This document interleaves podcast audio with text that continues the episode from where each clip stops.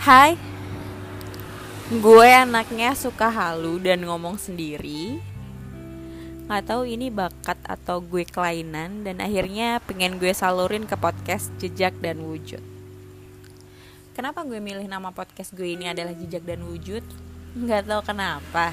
Tadi siang pas gue mandi Dan berhubung nih gue sekarang lagi nganggur Gue butuh income Gue harus memutar otak gue dari mana gue dapat income gue pingin bikin usaha clothing homeware gitu.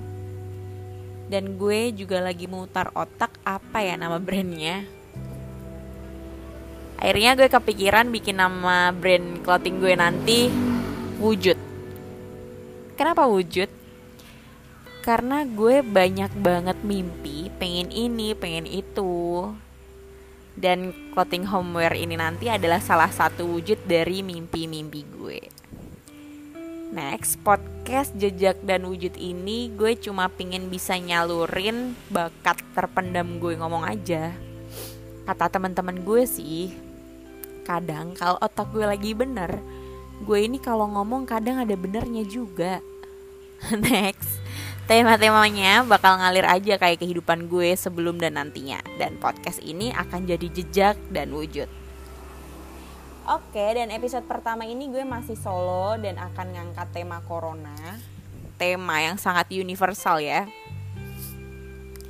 Corona yang awalnya kita nih nggak tahu dan kebiasaan warga plus 62 terlalu santai dalam menyikapi banyak hal. Ujung-ujungnya tetap kena juga dan amat sangat berdampak banget kan ya.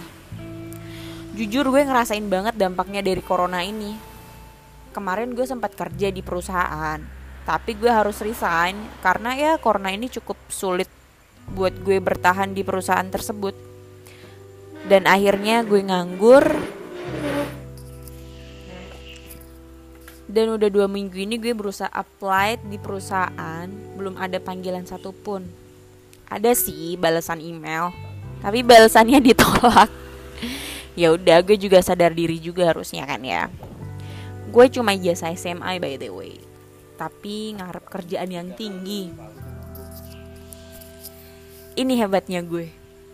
Gue yang mau dipandang rendah karena gue yakin setiap pekerjaan pasti bisa gue rampungin. Tapi pasti ini ada sisi buruknya juga. Jadi gue nggak tahu diri dengan apa yang gue punya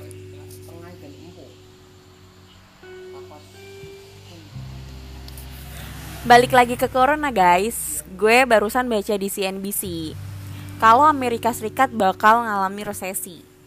Tapi tempo hari gue sempat baca di lupa apa gitu. Kalau Indonesia nggak akan ngalamin resesi karena apa? Karena masyarakat Indonesia ini konsumtif dan UMKM lagi dijunjung tinggi banget. Tapi kalau dilihat dari segi dunia, kalau Amerika kena resesi, pasti Indonesia juga bakal kena kan ya karena kan semua ekonomi berpatokannya sama Amerika. Ya tapi gue nggak tahu deh ke depannya gimana. Gue juga berharapnya Indonesia ini bakal stabil lagi dan cepat kembali kayak dulu. Semua orang juga pasti berharapnya gitu kan nggak gue doang. Ya udah cukup perkenalan di first podcast gue juga. Dan semoga corona ini cepat berlalu. Tetap jaga kesehatan dan semangat untuk tetap produktif ya. Bye teras depan 7.55 PM.